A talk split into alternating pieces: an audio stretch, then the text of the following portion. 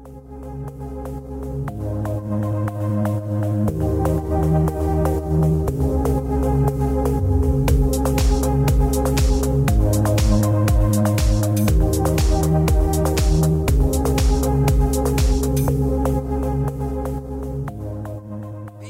skal ta, tale Guds ord her, dele Guds ord. Og jeg vet ikke om du noen gang har lest noe i Bibelen som du har tenkt Hva i alle dager er det her? Det Har det skjedd noen gang? Eh, det har skjedd meg også.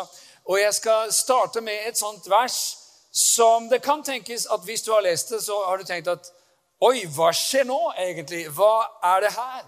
Og det interessante det er jo hva som kan rommes i et par bibelvers. Hvor mange ting det kan romme, og hvor gåtefullt det kan være. Eh, Fins det noen som har lest noe i Bibelen som de ikke har skjønt noen gang? Det var, det var en hel del. Det har jeg også. Eh, og Jeg pleier av og til å si at vet, noen har veldig problemer med det. at jeg har så problemer med Bibelen, jeg kan ikke forholde meg til Bibelen, for det er så mye jeg ikke forstår. Og da pleier jeg ofte å si at eh, jeg, jeg, jeg har mest problemer med det jeg forstår. Jeg. Må jeg egentlig si. Altså det, alt det jeg forstår, det er det som er min største utfordring. Elsk dine fiender og be for de som forfølger deg. og det, det, Alt det jeg skjønner, det har jeg mer enn nok med. Så, eh, men eh, alt jeg ikke forstår, det får jeg jo overlate til Herren. Men så er det det gode, det er jo at sammen med alle de hellige står det, så skal vi vokse opp og forstå hva som er bredden, høyden og lengden og dybden av Guds kjærlighet. Så vi kan jo forstå mer og mer. Og eh, I dag så skal vi se på et vers som da skal ses inn i en sammenheng fra 2. Mosebok kapittel 4 som du gjerne må slå opp hvis du har Bibel. Og Bakteppet her det er at Moses hadde vært ute i ørkenen. Eh, han hadde jo et voldsomt temperament, Moses. Gud han tenkte nok at ei, ei, ei, han skal lede Israels folk ut av Egypt. Det kommer til å bli et blodbad hvis han ikke får øvet seg på litt tålmodighet. Han hadde akkurat slått i hjel en egypter i hissigheten sin. Gud sender ham ut i ørkenen. Han sier du får være der og holde på med dine får 40 år. Og når Moses tenker at det er over, så tenker Gud nå er du klar. Så, av, av, parentes, sånn er det ofte. Det er litt interessant. Eh, og der står han. Han har liksom akkurat møtt Gud. Eh, brennende busken. Du liksom kjenner, eh, kjenner historien. Mens, mens, nå kommer vi liksom inn i en del av historien som av ulike grunner ble sensurert når 'Prinsen av Egypt' ble laget. Noen som har så den filmen noen gang når de var små. og sånn, så prinsen av Egypt. Ja, det, akkurat det avsnittet her kom liksom av ulike grunner aldri med i 'Prinsen av Egypt'. Det kommer du til å skjønne når vi skal lese disse versene. For i 2. Mosebok kapittel 4 så står det i vers 21 Herren sa til Moses, 'Når du nå vender tilbake til Egypt, se da til at du gjør alle de under som jeg har gitt deg makt til å gjøre for faraos øyne. Men jeg vil forferde hans hjerte, så han ikke lar folket fare. Da skal du si til farao, så sier Herren, min sønn, min førstefødte er Israel. Jeg sa til deg, la min sønn fare så han kan tjene meg. Men du ville ikke la ham fare. Derfor vil jeg nå slå i hjel din sønn, din førstefødte. Interessant. Hva, hva, er dette her? Jeg vet ikke, altså Litt sånn avhengig av hva slags forhold du har til bibelhistoriene. For noen så er det en sånn ny greie. At, at liksom, Det er ikke noe du har lest veldig mye i, for at du kanskje ikke har vært en kristen så lenge. Mens andre har liksom vokst, kjempe, altså vokst opp med disse historiene og liksom sett dem i alle slags eh, varianter opp gjennom oppveksten. Eh, og det som er litt interessant, det er jo liksom at, at, eh, at Hvem er farao?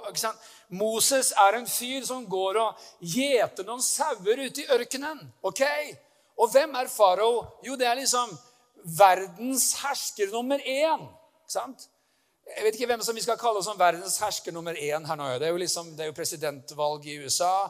Noen tenker, altså Amerikanske presidenter pleier å si at de er the leaders of the free world. ikke sant? Og Det er jo i hvert fall den, den største økonomiske og militære makten i, i verden. Så hvis, hvis, du kan se for deg liksom at, at du står liksom oppe i Romsdalen og gjeter noen sauer og der taler Gud til deg og sier, 'Gå til Trump og si følgende.' Det er jo en litt heftig greie, ikke sant? Ja, Det var ingen som syntes det var heftig. Ja, det er ganske heftig. For det er jo, det er jo, det er jo liksom Gå til farao. Liksom, farao er liksom ikke en eller annen nabobonde som holder på. Det er liksom verdensherskeren som driver og bygger pyramider og disse svære byggverkene, og som liksom virkelig ruler. Okay? Han skal Moses gå og si følgende til. Og det er liksom ikke en sånn Eh, så skal du si 'Så sier Herren'. Det går nok bra til sluttbudskap. Det er liksom eh, OK, farao, dette er mitt budskap til deg. Eh, 'Jeg skal slå i hjel din sønn, din førstefødte', sier Herren. Det kan jo være at det var visse grunner til at Moses sa 'send en annen'. av Gud, kan du være så snill sende en annen? Vær så god, vær så, god, vær så snill. Eh, han har liksom først liksom sett brennebusken, gabong. Han har liksom stukket handa inn i kappen sin, tatt den ut igjen, spedalsk, tatt den inn igjen, fri, halleluja, ren. Han har tatt staven sin, slengt den ned på bakken, en slange, ta den i halen, eh, en stav igjen. Det er jo liksom, det er jo et visst tegn på at Gud er på ferde. hva? Men så likevel, når, når Gud sier til Moses nå skal du gå til farao, sier Moses. Mm, mm, mm, mm, mm. Nei, nei, nei, nei. Faktisk så sier Moses, send hvem du heller vil. Hvem som helst han. Og Til slutt så blir Gud så sint på han at han liksom Du går, og Aron, Aron din bror, han skal møte deg, og han skal du, og Så, videre. så det, det blir jo sånn, da. Men hva er det som skjer videre? Neste vers. Jeg vet ikke om vi får opp versene på, på, på screen her, men det gjør vi. Vers 24. Hør på det her. Mens de var på veien, altså på vei til Egypt for å utføre oppdraget overfor farao eh, på et hvilested, så skjedde det at Herren kom mot ham og ville ta livet av ham. Har du tenkt på det noen gang? Altså, what's happening? Jeg mener, Moses, min tjener, tornebusken, flammer, greier, kald, voldsomt. Gå til farao, si til ham at din førstefødte skal miste livet, og Israel er min førstefødte, og du skal la ham fare. Og det neste som skjer, er at Moses er på vei mot Egypt for å gjøre det som Gud har sagt. Og Gud kommer mot ham for å ta livet av ham. Hæ? Sånn, og alle folket sa 'hæ?' Altså Det blir sånn 'What's going on?' Det er noen som har tenkt på dette noen gang? Ja, det, er jo, det, er jo, et veldig spesielt vers. Altså, Gud, hva, hva holder du på med nå? Det er jo, det, sånn spør jo vi oss av og til også. Hva holder du på med nå, Gud? Og det, her er jo veldig dramatisk. Er du her i dag? Ja, Er du glad for du fikk en time for lenge? Eller ekstra Ikke for lenge, ekstra. Hvor mange skulle ønske det var sommertid hver uke? Det hadde jo en perfekt greie liksom, at man måtte liksom stille klokka hver søndag. Vi foreslår det. ok? Men, men uh, Glory, hva er det som skjer videre her? Jo, det står at Herren kom imot ham og ville ta livet av ham. Da tok Sippora Hvem er Sippora? Kona til Moses en skarp stein. Og med den skar hun bort sin sønns forhud og kastet den for Moses' føtter og sa, 'Du er meg en blodbrudgom.' Så lot Herren ham være. Det er en fascinerende historie. Da sa hun, 'En blodbrudgom for omskjærelsens skyld.' Herren sa til Aron, 'Gå Moses i møte i ørkenen.' Han gikk av sted og møtte Moses ved Guds berg og kysset hos synes Det er jo en rimelig innholdsrik historie. Her er det liksom ganske mye dramatikk på noen vers. Aha. Jeg mener, OK, Gud taler, gå til farao. Neste Moses gjør som han har fått fortalt. Neste eh, Gud kommer imot ham for å ta livet av ham. Neste kona tar og skabong, Altså, ja omskjærer sønnen, tar forhuden, slenger foran beina Du skjønner at det ikke var med i Prisen av Egypt? du skjønner Det nå, ikke sant? Det var en viss aldersgrense på den. Det er helt klart. Det hadde røket, det hadde blitt 18-årsgrense. Det hadde ikke vært bra. Så liksom slenger forhuden foran Moses og sier 'Du er med en blodbrudgom, du!' Liksom, What a story! Hva er nå dette? En liten parentes her. Eh, det vi jo ikke helt sikkert vet, det er jo når det står at Gud kom imot ham for å drepe ham. Det, der, det kan man faktisk tolke litt. Er det Moses han kommer mot, eller er det sønnen? Det kan vi faktisk ikke si med skråsikkerhet. Det kan i teorien være begge. Altså det, kan, det, kan, være både Moses og, og, og, og, sønnen. Det vet vi ikke. Det kan være Moses som kommer mot. Det kan være i sønnen. Men uansett, det er rimelig dramatisk. Aha. Aha. Ok. Aha, aha. Hva skjer? Jo, for at vi skal skjønne hva som skjer, så må vi spole litt bakover. Vi må gå til 1. Mosebok 17, fordi eh, Hva er det Gud kaller seg? Du leser om det opp igjennom i Bibelen. Han kaller seg for Abrahams, Isaks og Jakobs Gud.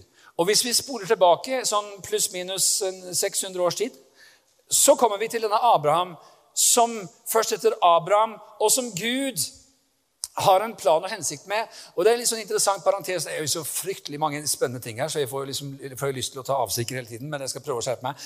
For jeg er jo ikke egentlig, ja, det, det vet jo ikke du, du har ikke sett notatene, men jeg skal prøve å komme inn i dette fordi Halleluja. Altså, glory.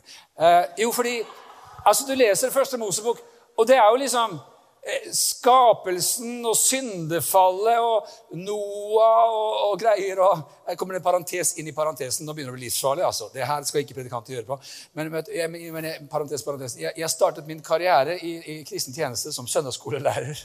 Jeg ble minnet på denne historien her før møtet. Og det, det, var tydelig at det var en slags sånn dramatisk åre i denne unge Kristiansen helt fra start. der. Da. Så jeg var kanskje jeg vet ikke, 11, 10, 11, 12, et eller annet, 11, 11 år, tror jeg. Som hadde fått ansvar for tre- til femåringene. Jeg hadde ikke veldig peiling på barn, sånn, men jeg hadde yngre søsken. tenkte det var fint. Og så, og så skulle jeg, liksom, Leksjon 1, da, en sånn bok du hadde vet, med leksjon 1, det var liksom Noah, Noahs ark og greier. Og jeg, vet du, jeg skulle dramatisere det her. vet du, Noe helt voldsomt. Så det, Jeg hadde jo sånn svær sandkasse og greier. Og så hadde jeg en svær båt, en sånn ark. ikke sant? Og så i tillegg så hadde jeg masse dyr, plastikkdyr. Jeg hadde jo tatt tak på, tak på alle plastikkdyr jeg kunne komme på. Og liksom to og to inn i båten. ikke sant? Men hva, har du tenkt, hva skjedde med alle dyra som ikke fikk plass i arken? Ja, De drukner jo, alle. vet du. Så jeg kjørte på. Det var vann og greier, og det var voldsomt. og Dyrene og fløt i svære dammer vet du, og druknet. vet du. Plutselig så begynner ungen å grine. vet du. Og Etter gamle Philadelphia så lå, var jo søndagsskolen nede i kjelleren. ikke sant? Så de, Plutselig så står predikanten der og taler vet du, om et eller annet dypt og fint og inderlig. Og så kommer det litt sånn gråtende unger løpende opp fra søndagsskolen. Det var jo første gang jeg hadde søndagsskole. Jeg var fortvilet, altså. Hva har du gjort, Stefan? Nei, nei men altså, Hallo, hva skjedde med de som ikke kom inn i arken? De drukna selvfølgelig. Så, så, det var sånn jeg starta. Så, så, sånn, sånn, har det fortsatt, egentlig. Litt dramatisk av og til. Men eh, ok. Jo, vi leser de første elleve kapitlene, og det er jo liksom Det er litt av hvert forskjellig. Det er skapelsen, det er Noahs ark. Og så går det ganske fort, og så kommer man til denne at Gud på en måte rigger scenen det er én mann han velger ut, Abraham, som får navnet Abraham. Én mann, én familie, én slekt, som blir til én nasjon. Og det er akkurat som dette er Guds utvelgelse. Her skal liksom frelseshistorien gå fram gjennom disse. Og det er her vi leser dette underlige med 1. Mosebok 17 og vers 1. Da Abraham var 99 år gammel, åpenbarte Herren seg for ham og sa til ham, 'Jeg er Gud den allmektige. Vandre for mitt åsyn og vær ustraffelig.' 'Jeg vil opprette min pakt mellom meg og deg, og jeg vil gjøre din ett overmåte tallrik.' Da falt Abraham på sitt ansikt, og Gud talte med ham og sa, 'Se, jeg slutter min pakt med deg.' og du skal bli far til en mengde folk. Ditt navn skal ikke mer være Abraham, men ditt navn skal være Abraham. Og det betyr altså det som kommer i neste setning, for jeg gjør deg til far for en mengde folk.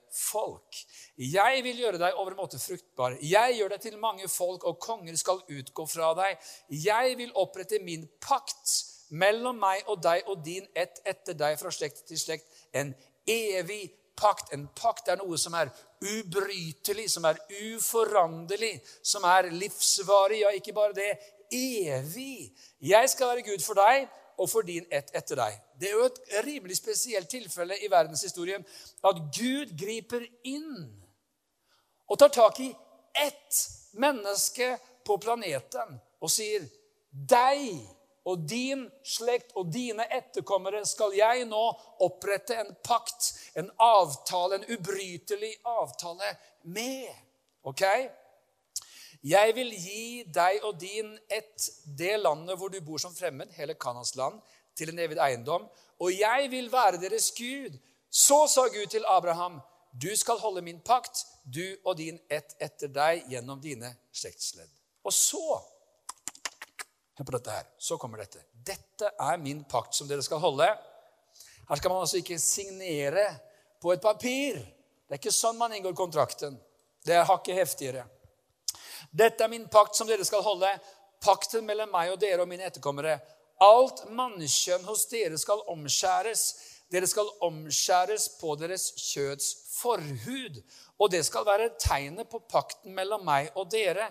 Åtte dager gammel skal alle som er av mannekjønn hos dere, omskjæres slekt etter slekt. Både den som er født i ditt hus, og den som er kjøpt for penger av fremmede som ikke er av din ett.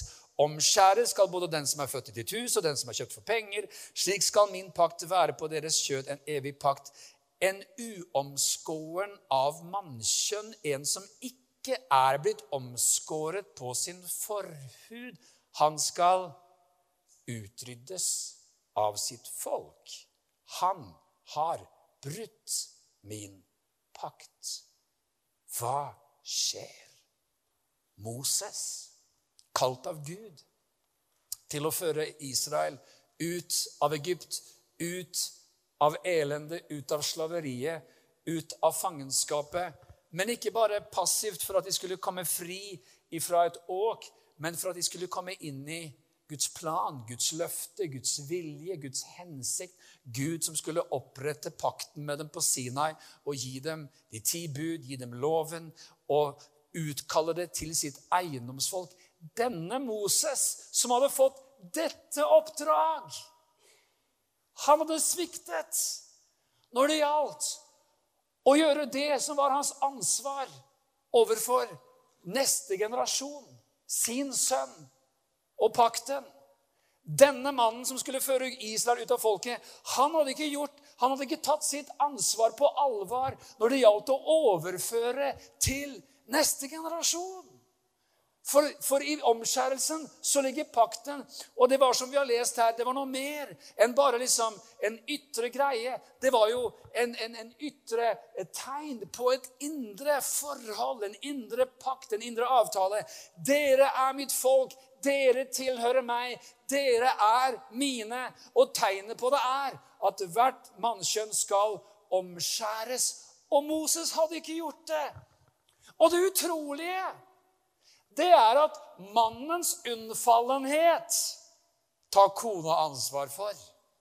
Mamma mia. Det er fru Sippora som ordner greiene. Av og til så tenker man det fins intet nytt under solen. så det, det, det, Sånn kan det av og til være. At mannen tar ikke det ansvaret han skal ta. Liten reklame ekstra her nå for Guds mann neste fredag osv. Men, men eh, mannen tar ikke det ansvaret han skal ha, og så tar kvinnen det isteden. Men derfor så er det et kjempestort alvor over dette her. Så Gud kommer imot dem. Sipora omskjærer sønnen, og Gud lar dem være. Hør nå her. Det er et stort alvor over det å ha ansvar for å gi troen videre til neste generasjon. Og Nå fins det mange dybder og lengder og høyder og bedre her som ikke vi liksom kan fortsette å gå videre i. For det, nå kommer jeg til overskriften for dagens preken. og det er barna av Guds rike.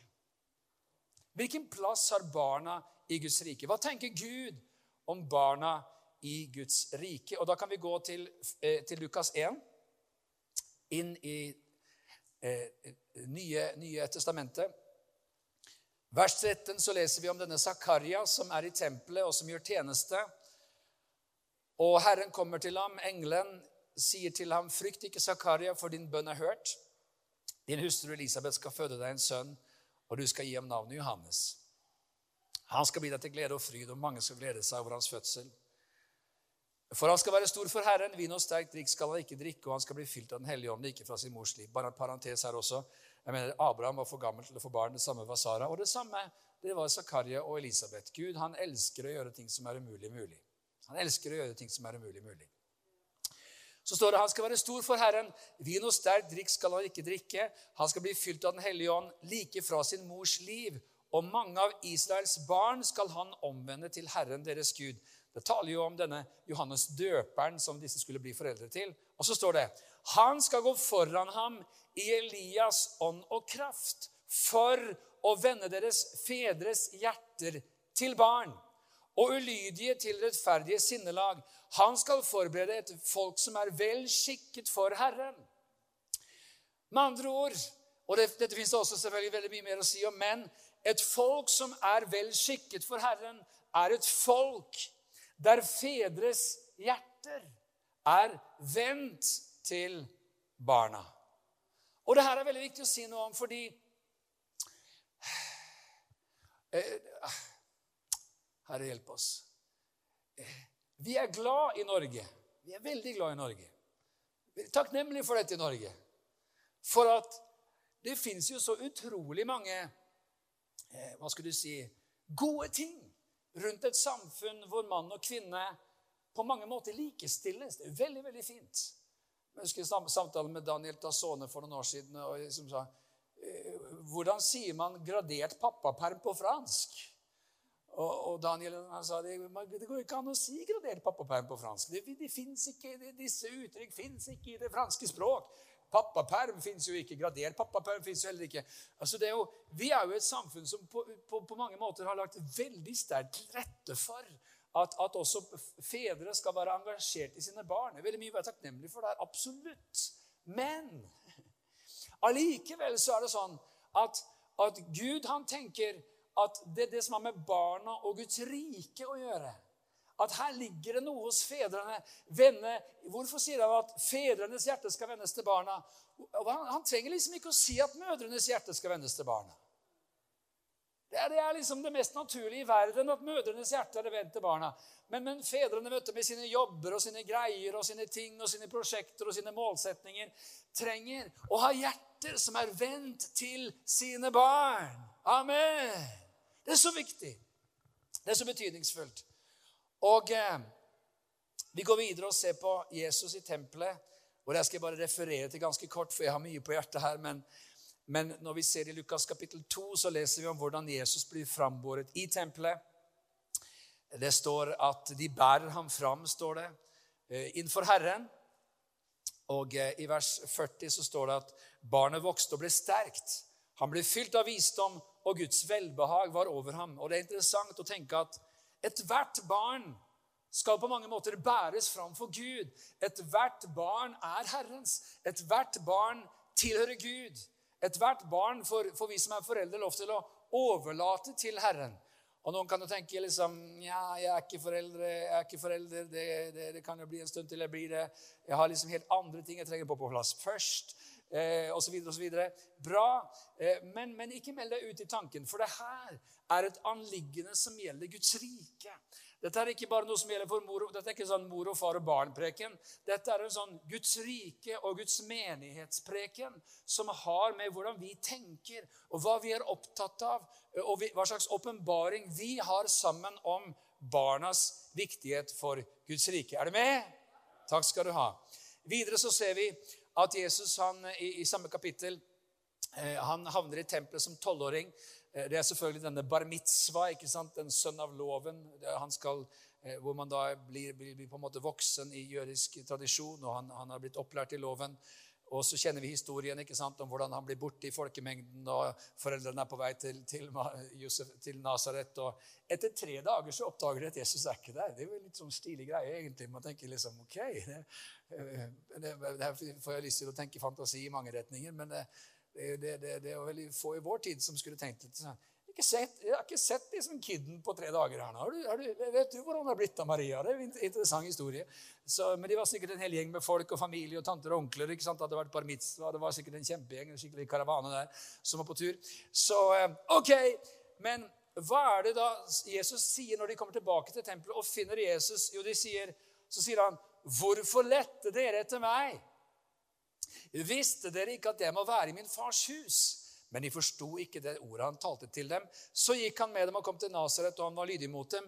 Mens han mor gjemte alle disse ordene i sitt hjerte, og Jesus gikk fram i visdom og alder og i velvilje hos Gud og mennesker. Jesus er et forbilde for barn som barn. Det er jo en preken i seg selv. Jeg visste liksom mange, mange prekener i prekenen. Men det interessante er vi ser Jesus i tempelet som et spedbarn som blir båret fram for Gud. Vi ser Jesus som en tolvåring som blir framstilt som en lovens sønn. Og hva skjer neste gang vi ser Jesus på vei inn i tempelet. Mm -hmm. Matteus 21. Jeg mener, hele Jerusalem, ryktene har gått foran ham. Du, hvor mange har vært i Israel noen gang? Det var en hel del. Vet, det er jo et sånn kompakt lite land som du kan få inn i det som en gang het Hedmark fylke. Et veldig lite land. Eh, og jeg mener, ryktene har gått. ikke sant? De har hørt om, om helbredelsene, de har hørt om den lamme mannen som ble senket gjennom taket, de har hørt om fisk og brød undre, de har hørt om at han gikk på vannet. Jeg mener, Ryktene har jo gått i hele Israel om denne spesielle mirakelmannen. Og nå har til og med ryktene gått om, om at liksom noen kilometer nede i gata nede i Jeriko så har blinde Bartumeus blitt helbredet. Og jeg mener, og så går ryktene foran ham og sier han er på vei til Jerusalem. Har du hørt han er på vei til Jerusalem? Ja, ja, ja, ja. Ryktene sier at han er på vei oppover liksom på det fjellet som går opp du vet, for lokalt kjente, bak ved Betania. Og hvor du liksom vipper rundt bak, bak Betania, så kommer du opp til Oljeberget, og så går du ned der. Ryktene sier han er på gang. Jeg mener, Folk strømmer ut fra husene. Folk brekker av palmeblader. Folk tar sine kapper. De, de liksom, Han kommer ridende på eselet. Du kjenner kanskje historien. Og så tar det helt av. De synger, de roper. Det var hoi, hoi, hoi. Jeg mener Hosianna, Davids sønnen. Hosianna i det høyeste. Hosianna, Davids sønn, vers 9. Velsignet være Han som kommer i Herrens navn, sa i kapittelet. Matteus 21. Velsignet være Han som kommer i Herrens navn. Vet, det her er liksom ikke sånn allment hurrarop. Liksom, hurra for han, hurra for han, Hosianna, Hosianna, hurra for han. Det her er et uttrykk som er forbeholdt én Messias. Davids sønnen. Ikke sant? Og nå tenker jo alle Wow! Han kommer! Endelig kommer han. Ah, Messias kommer, kongen kommer. Han driver med romerne ut. Det blir fantastisk. Nå kommer dette riket. Disiplene tenker sikkert This is the day, this is the day. Ohoi, ohoi, ohoi. Peter, Johannes, Jakob, Philip de tenker We are the cabinet. Dette blir råstilig. Yes, yes, yes. Her kommer regjeringen. De liksom soler seg i glansen. Jesus er statsministeren, han er Messias, han tar over butikken her nå. Og vi er regjeringen. Judas blir i hvert fall ikke finansminister. Men ok, altså de tenker det her, det her tar jo av. Dette er Det gamle testamentets oppfyllelse. Og så kommer Jesus inn i tempelet, og det er jo krise.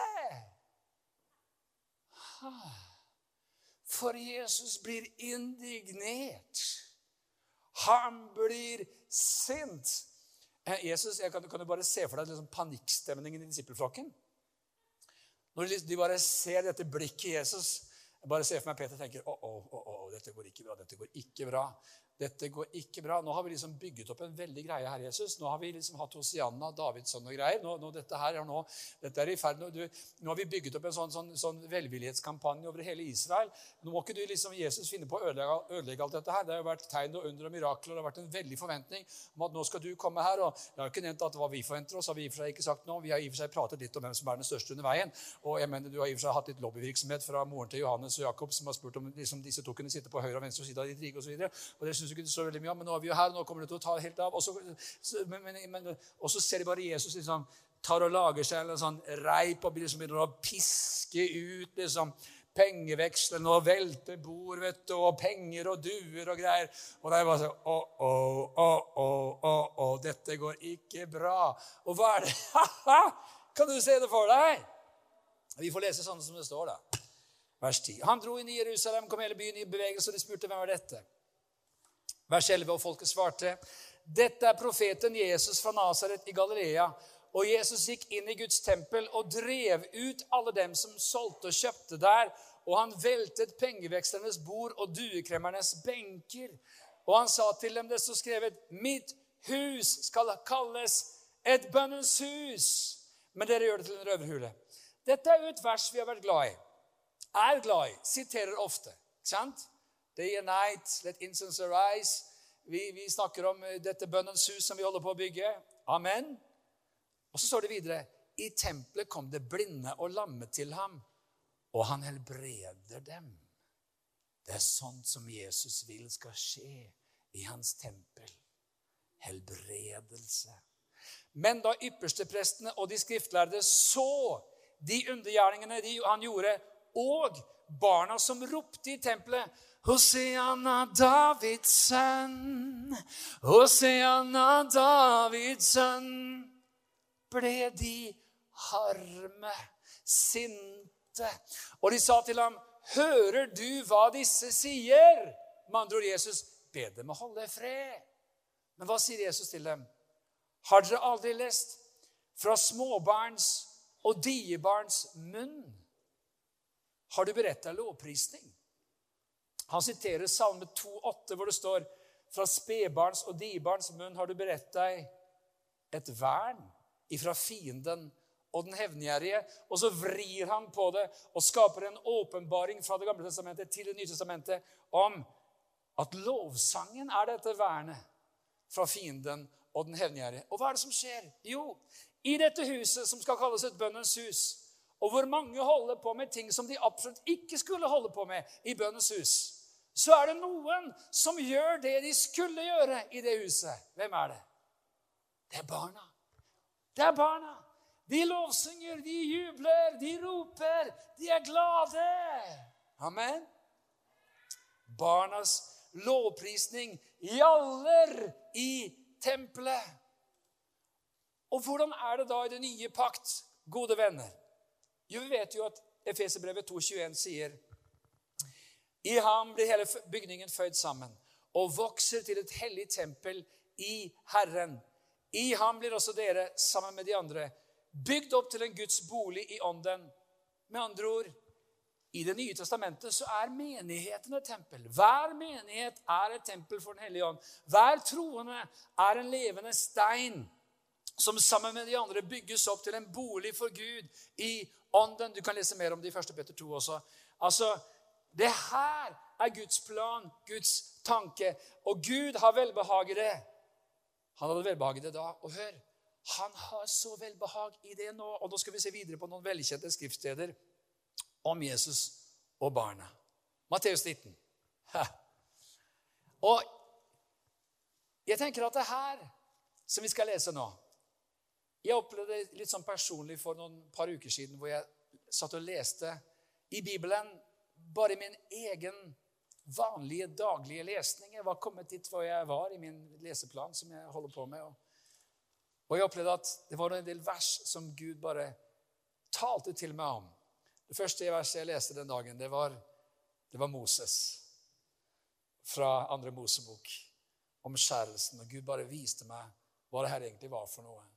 Og Det neste jeg leser, i samme dags lesning, så leser jeg Matteus 19, vers 13. Så bar de små barn til ham for at han skulle legge hendene på dem og be. Også, vers, også kapittel 21, som vi akkurat har lest. Eh, mens disiplene truet dem hva er det som skjer egentlig? Barn blir båret til Jesus for at han skal be for dem. Og så står det Disiplene truet dem. Det er jo et litt sånn heftig ord. Har du blitt truet av noen noen gang? Altså Hvis noen oppfører seg truende, så, så kjenner man jo sånn Det er jo ikke altså, det, det, er en litt sånn sterk form for avvisning. Er du med? Altså Hvis noen kommer til deg og sier at eh, altså du kommer inn på en eller annen restaurant, og så setter du deg ned og så koser deg. Å, så fint. Og så kommer en bort og sier Og du tenker ah, Tenk at jeg fikk vindusbord Det var så fint. Dette bordet er best. Utsikt. Nydelig.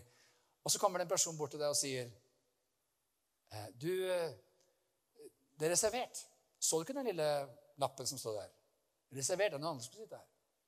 Å, jeg beklager, beklager. Du reiser opp. Det er jo ikke truende. Det er litt sånn, litt ubehagelig, det er litt sånn dumt, og du, jeg, jeg føler deg sånn dum og sånn, men mens truende, ikke sant? Det er litt sånn Hva gjør du her? Sånn, Kom deg bort! Ikke sant? Det er jo litt sånn Wow! Det var jo siste gang du var på den restauranten. i og for seg. Eh, ingen gjør sannsynligvis sånn på restauranter. Et litt spesielt bilde, men du skjønner hva jeg mener. Altså, Truende Det er veldig spesielt. Disiplene var truende. Liksom, her, kommer, her, kommer, foreldre med sine små barn til Jesus. Og her liksom, her står liksom, altså, De hadde jo ikke disse greiene. Man man kan, man kan se for seg eh, mørke solbriller og propp i øret. ikke sant? Mørke dresser. Litt sånn 12 eh, bodyguards around the Messiah. Som skal bare sørge for at ingen opptar denne viktige Herrens tjener. ikke sant? De truer foreldrene og dytter dem liksom av gårde. Nei, nei, nei, nei, nei, nei, nei, Kom dere bort her! Det er ganske dramatisk. Er det ikke det? Og da sa Jesus, 'La de små barn være'. Han, han er jo så oppgitt over disse, disse La de små barn være. Hindre dem ikke fra å komme til meg, for himlenes rike hører slike til. Og han la sine hender på dem og dro så bort derfra. Det fins et parallelt vers i Markus 10 hvor, hvor, man ser noe av det samme. Det er jo samme berettelse, men, men et par detaljer. De bar små barn til ham, står det i vers 13 i Markus 10, for at han skulle røre ved dem. Men disiplene truet dem som bar dem. Samme type greie. Men så står det en sånn tilleggsopplysning. Da Da Jesus så det, ble han harm. Jesus blir sint. Han ble sint i tempelet, og her blir Jesus sint igjen. Han blir harm. Og han sier, 'La de små barn komme til meg, og hindre dem ikke.' For Guds rike hører slike til. Og så sier han, 'Sannelig sier dere' Og nå kan jeg liksom se for meg litt sånn ops-følelse i disippelflokken. Opsi! For sannelig, jeg sier dere, den som ikke tar imot Guds rike som et lite barn, skal slett ikke komme inn i det. Ok, ok, ok. Og han tok dem på fanget og la hendene på dem og velsignet dem.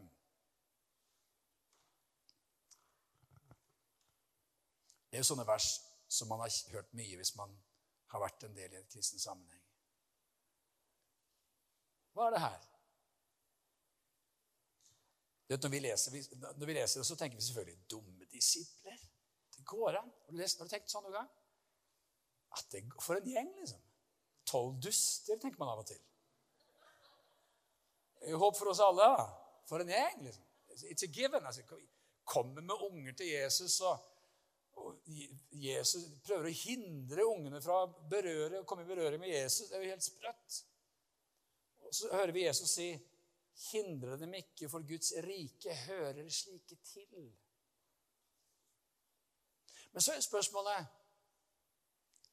Kan vi hindre barna fra å komme til Guds rike? Kan kristne foreldre hindre sine barn fra å komme til Guds rike? Er det mange foreldre, mange kristne foreldre som hindrer sine barn i å komme til Guds rike? Ja, hva mener du? Det var sterke ord.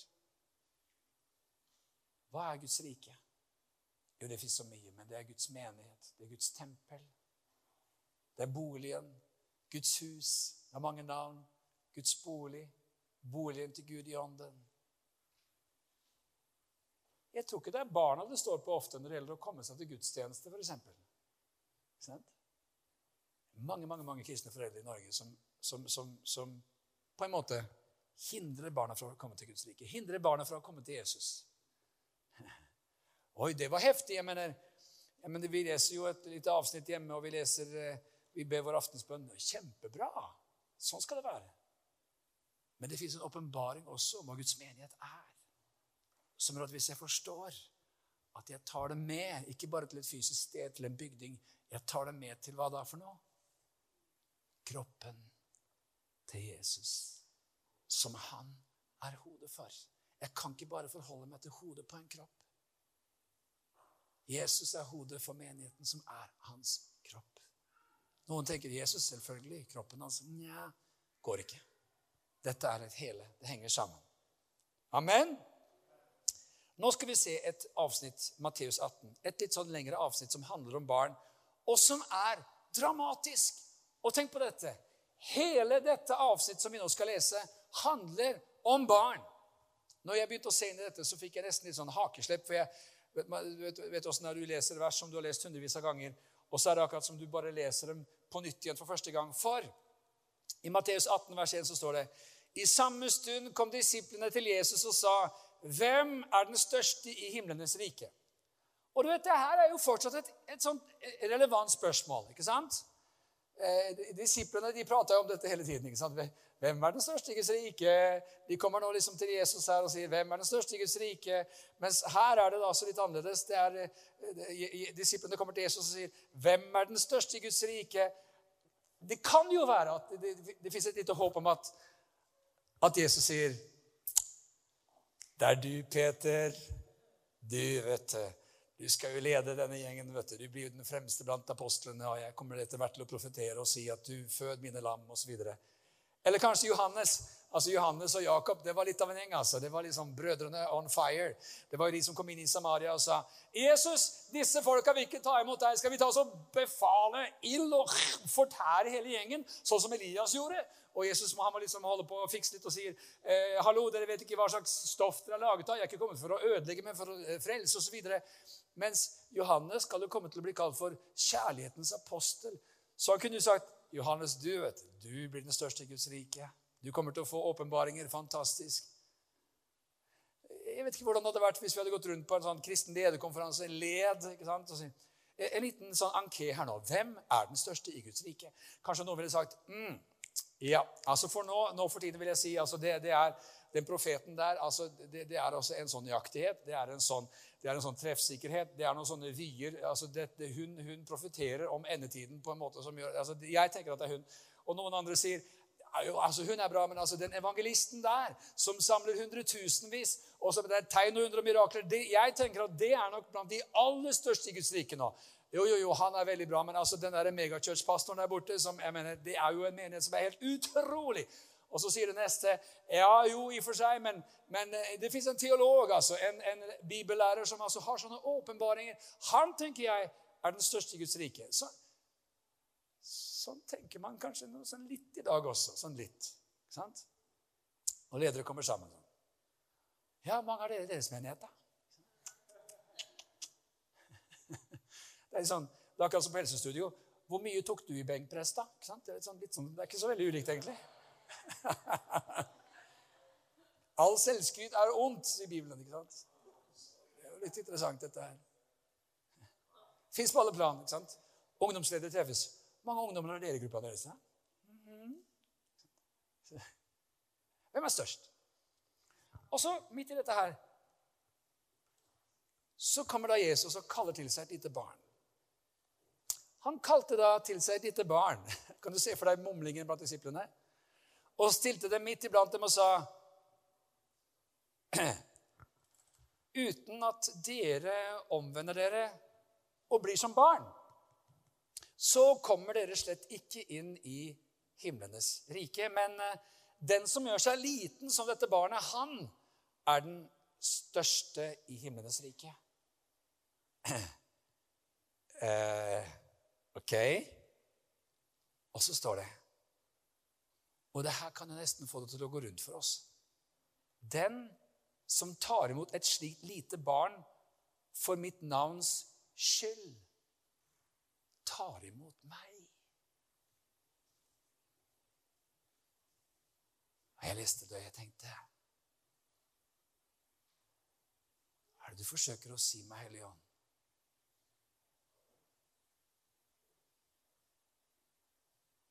At den måten vi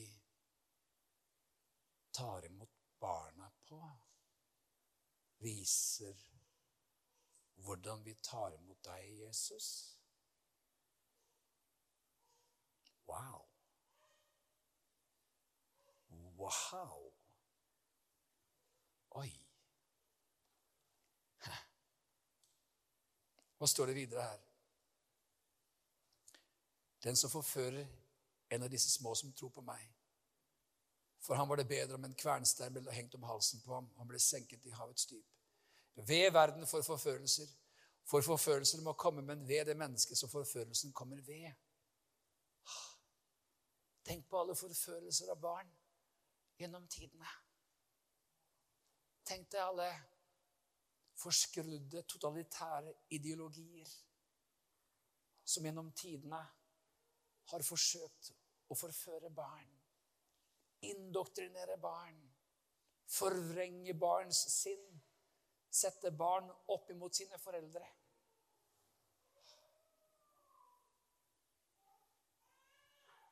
Kan til og med være, gode venner, at den tida vi lever i nå, er en sånn tid hvor sterke antikristelige ideologier vil fylle barnehager og skoler. Og forvirre neste generasjon fullstendig i forhold til hva som er rett, og hva som er galt. På mange plan. Å våge den som sier noe imot dette. Forførelser av barn er intet nytt under solen. Det har pågått gjennom tidene. Så står det videre i vers 8 om din hånd eller din fot frister til fall. Da hogg den av og kast den fra deg. Og jeg leser alt i sammenheng med hensikt. Det er bedre for deg å gå halvt eller vannfør inn til livet enn å ha begge hender eller begge føtter og bli kastet i den evige ild. Og om ditt øye frister deg til fall, da riv det ut og kast det fra deg. Det er bedre for deg å gå enøyd inn til livet enn å ha begge øyne og bli kastet i helvetes ild. Se til at dere ikke forakter en av disse små. Og så kommer et sånt merkelig uttrykk. Jeg mener, hva betyr det her? Jesus sier, se til at dere ikke forakter en av disse små. For jeg sier dere at deres engler i himmelen ser alltid min himmelske fars åsyn. Jeg tenker det her Hva slags argument er dette? Jesus sier, 'Sørg for å ikke forakte ungene.' Forakt ikke de små barna. Forakt ikke barna, fordi de har engler. Og deres engler, de står alltid innenfor min himmelske fars Ås. Det er hvor man synger 'Hellig, hellig, hellig'. Day and night, dag og natt. Der står våre barns engler. Så for all del forakt dem ikke. Altså Her fins det høyder og dybder og lengder, så vi får bare be Herren om åpenbaring over. Men det vi skjønner er de små i Guds rike må ikke foraktes. Og så kommer vers 11. Og hør, dette er jo verset som alle evangelister elsker. Dette er jo verset som liksom For menneskesønnen har kommet for å frelse det som var fortapt. Og, og Nå står dette riktignok også i andre sammenhenger i evangeliene, hvor, hvor det står i, i mer generelle termer. Men her, folkens, snakker Jesus fortsatt om barn. Han sier, 'For menneskesønnen er kommet for å oppsøke og frelse det som var fortapt.' Og hør på historien som kommer nå, vers 12. Hva mener dere dersom en mann har 100 sauer? Lyder historien kjent? Og en av dem går seg vill. Forlater han ikke da de 99 i fjellet og går av sted og leter etter den som har gått seg vill? Og skulle han finne den sannelig, jeg sier dere, han gleder seg mer over den ene enn over de 99 som ikke har gått seg vill. Slik er det heller ikke deres himmelske fars vilje at den eneste en av disse små skal gå fortapt. Her er altså historien om å forlate de 99 og oppsøke det ene barn. Vår himmelske far vil ikke at et eneste barn av disse små som Guds rike hører til, skal gå fortapt.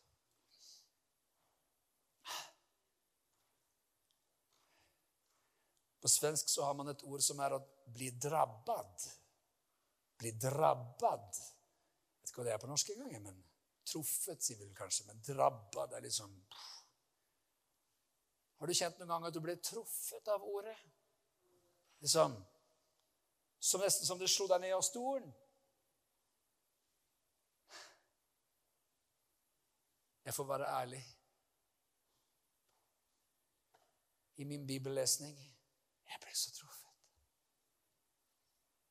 Jeg måtte ned på mitt ansikt. Jeg måtte bøye kne. Jeg måtte søke Gud. For Guds rike hører barna til. Ja, men det vet vi. Men det å skulle tenke at som vi tar imot barna, sånn tar vi imot Jesus ja, Det kjente jeg var utfordrende. Frelse, bevare, oppsøke barn. Hvem er viktigst i Guds rike? sier Jesus. Og bare parentes, Når jeg sier barn, så tenker jeg ikke nødvendigvis at liksom det stopper på tolv år. Men jeg tenker de som bor hjemme, altså den oppvoksende generasjonen, de som er innenfor ens vinger, er på en måte ens barn. Altså, har foreldre, så har man barn resten av livet, men på et vis. Men, men jeg tenkte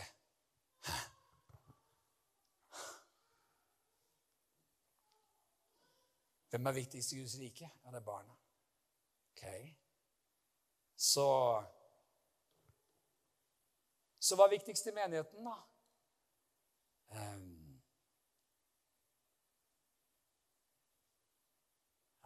barna? Så hva er viktigst på en søndag, da? Um, I think I get your point. Barna? Hva er det viktigste som skjer på en søndag, da?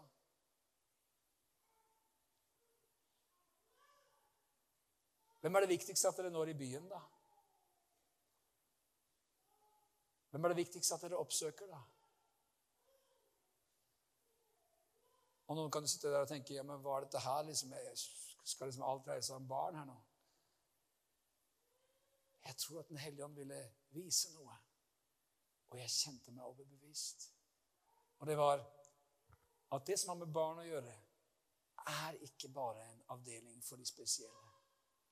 Det som har med neste generasjon å gjøre. Det er så lett for oss å tenke Gud velsigne barnearbeidere. Gud velsigne det ordet kan man ikke bruke lenger i vår tid. Gud velsigne tjenestene for barna. Gud velsigne alle ledere for barn. Gud velsigne barnekirken. Gud velsigne Ikke sant? Takk Gud for det. Men det er for oss som menighet å tenke dette gjelder oss. Om jeg har barn, om jeg ikke har barn, om jeg er ung, om jeg er voksen, om jeg er gammel Det her, med neste generasjon, det her er vårt anliggende. Og det som er interessant for Jesus Church Vi har en visjon om å være et åndelig hjem. En ambassadør for evangeliet. En misjonsbase. Vi fasiliterer mye misjon, ikke sant? Et senter for lovprisning og barmhjertighet. Vi ser at det er på gang. Og å være en visjonsbærer for neste generasjon. Herlig. Amen. Jeg tenker at Gud ønsket å tale til oss som menighet for å få oss til å løfte blikket. For å tenke, leve, prioritere annerledes. Helt enkelt.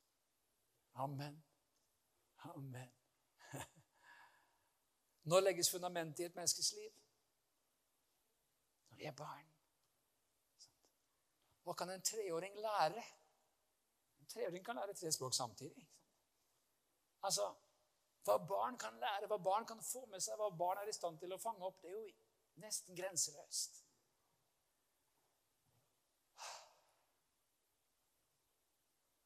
Og det som også er veldig viktig å forstå, er dette. Majoriteten av alle barn i Oslo, i Stor-Oslo, har ikke kristne foreldre som kan introdusere dem for Jesus. Det er vakkert å se. Jeg skal ikke nevne navn, men det er vakkert å se gjennom mange år eh, unge mennesker i menigheten her som har vært besøkshjem, som har tatt seg av barn, unge. Det er vakkert å se. Og Noen kan tenke ja, men barn, jeg har ikke, jeg har ikke talent. jeg har ikke en ungdom, tenåringer. Jeg har ikke talent. Jeg har liksom Men vet du Alt trengs for å få neste, nå neste generasjon. Noen trenger å fylle opp en bil fra en bydel og kjøre dem hit på fredagskvelder. For at de som er 13, 14, 15, skal få høre Guds ord osv. Tenåringer 16, 17, 18 osv. Noen trenger å legge seg i selen for at det skal være fantastisk ukas høydepunkt å komme hit på en søndag. Ikke bare for de som har foreldre som tar dem hit, men for gutta og jentene i nabolaget som ikke har noen som gir dem evangeliet. Ikke sant? Guds rike hører barna til. Halleluja. Er det et mørkt og dystert budskap? Nei. Det er et positivt og lyst og godt budskap. Men jeg skal bekjenne en ting. Jeg kjente meg litt fillerista. Jeg gjorde det. Men det var godt. Det er alltid godt å vende om. Det er alltid godt at Gud gir ny nåde. Lær den ungen den veien han skal gå, sier ordspråkene 22,6. Så viker han ikke fra den når han blir gammel. Det er vakkert å tenke at Guds hjerte strekker seg ut til de minste. Amen. Vet du Annes mamma Gro hun bodde i Bjerregårds gate. Mange her vet hvor Bjerregårds gate ligger. Parallellveien til Valdemarsstranes gate ligger der noen hundre meter herfra. Knapt. Og hun gikk i en kirke som ligger halvannen kilometer herfra. Salemkirken. Vet du hvor mange barn de hadde? 1200 barn. 1200 barn. Det var så fullt med unger at man måtte ha søndagsskole før gudstjenesten. Og da var det sånn at eh, hvis disse liksom, benkene her var pakkfulle med unger for den aldersgruppa, så sto det en lærer og underviste dem. Så sto nestelæreren her og underviste de neste benkene som var pakkfullt med unger. 1200 unger. Kan du tenke deg? Var det en annen tid? Absolutt. Var det en annen kultur i landet vårt? Absolutt. Norge har blitt sekularisert til de grader. Det var kun én i gata som ikke fikk lov til å være med på søndagsskolen. Han het Harald Heide Steen jr. Han fikk ikke lov av foreldrene å være med. Alle andre unger var med på søndagsskolen. I gata der Gro bodde. Det var mer normen å gjøre det enn å ikke gjøre det. Det er en annen tid. Og vi er ikke her for å utbasunere eller for å utproklamere noe som helst. Men vi er her for å si la oss begynne å be. La oss begynne å søke Gud. La oss begynne å be om at disse her gamle brønnene av kirker og menigheter som yngler av barn og ungdom Amen.